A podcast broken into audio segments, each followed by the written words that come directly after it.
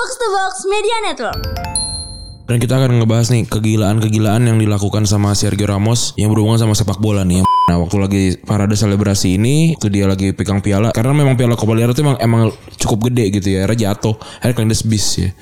Berantakan gitu ya. Jadi cukup awkward juga sebenarnya selebrasi keliling kota tapi trofinya penyok ya.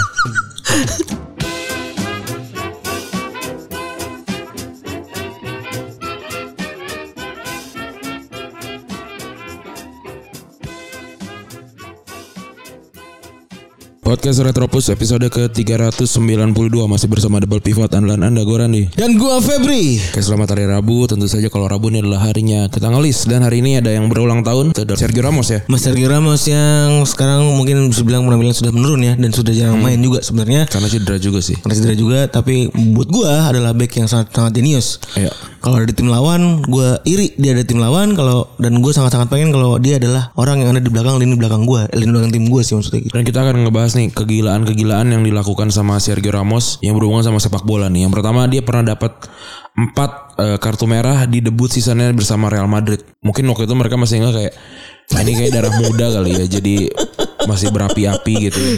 Tapi ternyata eh, selama dua eh berapa tahun sih dia Ber- berapa belas tahun ya? Nggak sampai ding 2004 ya. Hmm. Ya pokoknya lu- cukup lama lah belasan tahun sih sebenarnya di Real Madrid ya selama belasan tahun di Real Madrid dia dapat 26 kartu merah. Enggak ini selama berkarir ya. Sama berkarir. berkarir. Ya lumayan sih. Eh, selama berkarir dia mendapatkan 26 kartu merah dan dia di musim pertamanya jadi orang yang langsung ngasih tahu kalau dia tuh emang ternyata orang yang keras banget dari September 2005 sampai Mei 2006 4 kartu merah dan dia mendapat kartu merah dengan cara yang cukup lengkap ya satu satu dari dua kartu kuning satu langsung eh, pelanggaran kartu merah karena dangerous challenge satu lagi karena berantem sama lawan satu lagi karena handsball Perfect red card. Terus kalau dari eh, yang kedua ada dia selalu punya det- determinasi untuk main kasar ketika melawan Messi. Mungkin ini eh, juga ke main lawan ya, tapi kalau buat gue ini eh, Ramos agak sedikit spesial ya. Karena Messi selalu berkuasa ketika dia melawan Madrid dan itu mungkin bikin dia geram ya.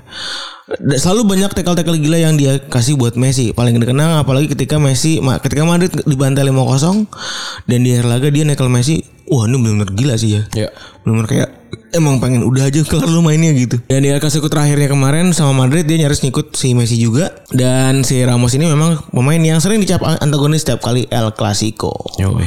Selanjutnya nih cukup menarik juga ya. Dia yang ngejatuhin trofi Copa del Rey sampai hancur ya. Iya. Di musim 2011 ini kalau ingat adalah golnya Gareth Bale kayaknya nih ya. Iya benar. Ya kan ketika Madrid bisa menandingi kedikjayaannya Barcelona kali itu karena waktu itu Madrid udah lama banget nggak pernah juara Copa del Rey. Nah waktu lagi parade selebrasi ini itu dia lagi pegang piala karena memang piala Copa del Rey itu emang emang cukup gede gitu ya. Akhirnya jatuh, akhirnya kelindes bis ya. Berantakan gitu ya. Jadi cukup awkward juga sebenarnya selebrasi keliling kota tapi trofinya penyok ya.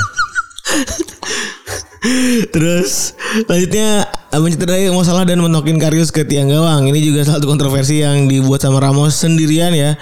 Dan emang dia kan tipikal orang yang ngelakuin apa aja buat kemenangan timnya. Dan yang paling berkesan ketika di final 2018 lalu dia sampai ngelipet tangan salah sampai akhirnya kena dislo- dislokasi bahu ya. Dan nggak bisa lanjutin permainan bahkan waktu itu terancam mainnya jadi main- mainnya jadi jelek juga di Piala Dunia ya. Habis itu didorong Karius sampai mentok ke tiang gawang dan katanya jadi faktor si Karius bikin kesalahan di dua gol selanjutnya.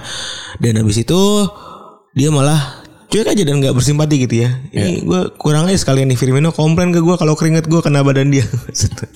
Selanjutnya ada eh, ini ya hubungan sama Pique yang yang lumayan aneh gitu karena di Klasiko kan mereka selalu berantem nih tapi kalau di timnas Spanyol sepeninggalannya Charles Puyol waktu Ramos balik ke kan eh, ke tengah jadi ini banget jadi cukup eh, solid gitu ya walaupun sebenarnya kalau menurut gue sih nggak nggak begitu valid juga sebenarnya solid atau tidaknya karena nggak mereka berdua di tengah nggak nggak juara apa apa sebenarnya Terus ada momen di mana dia dianggap tidak peduli sama klub lamanya Sevilla ya.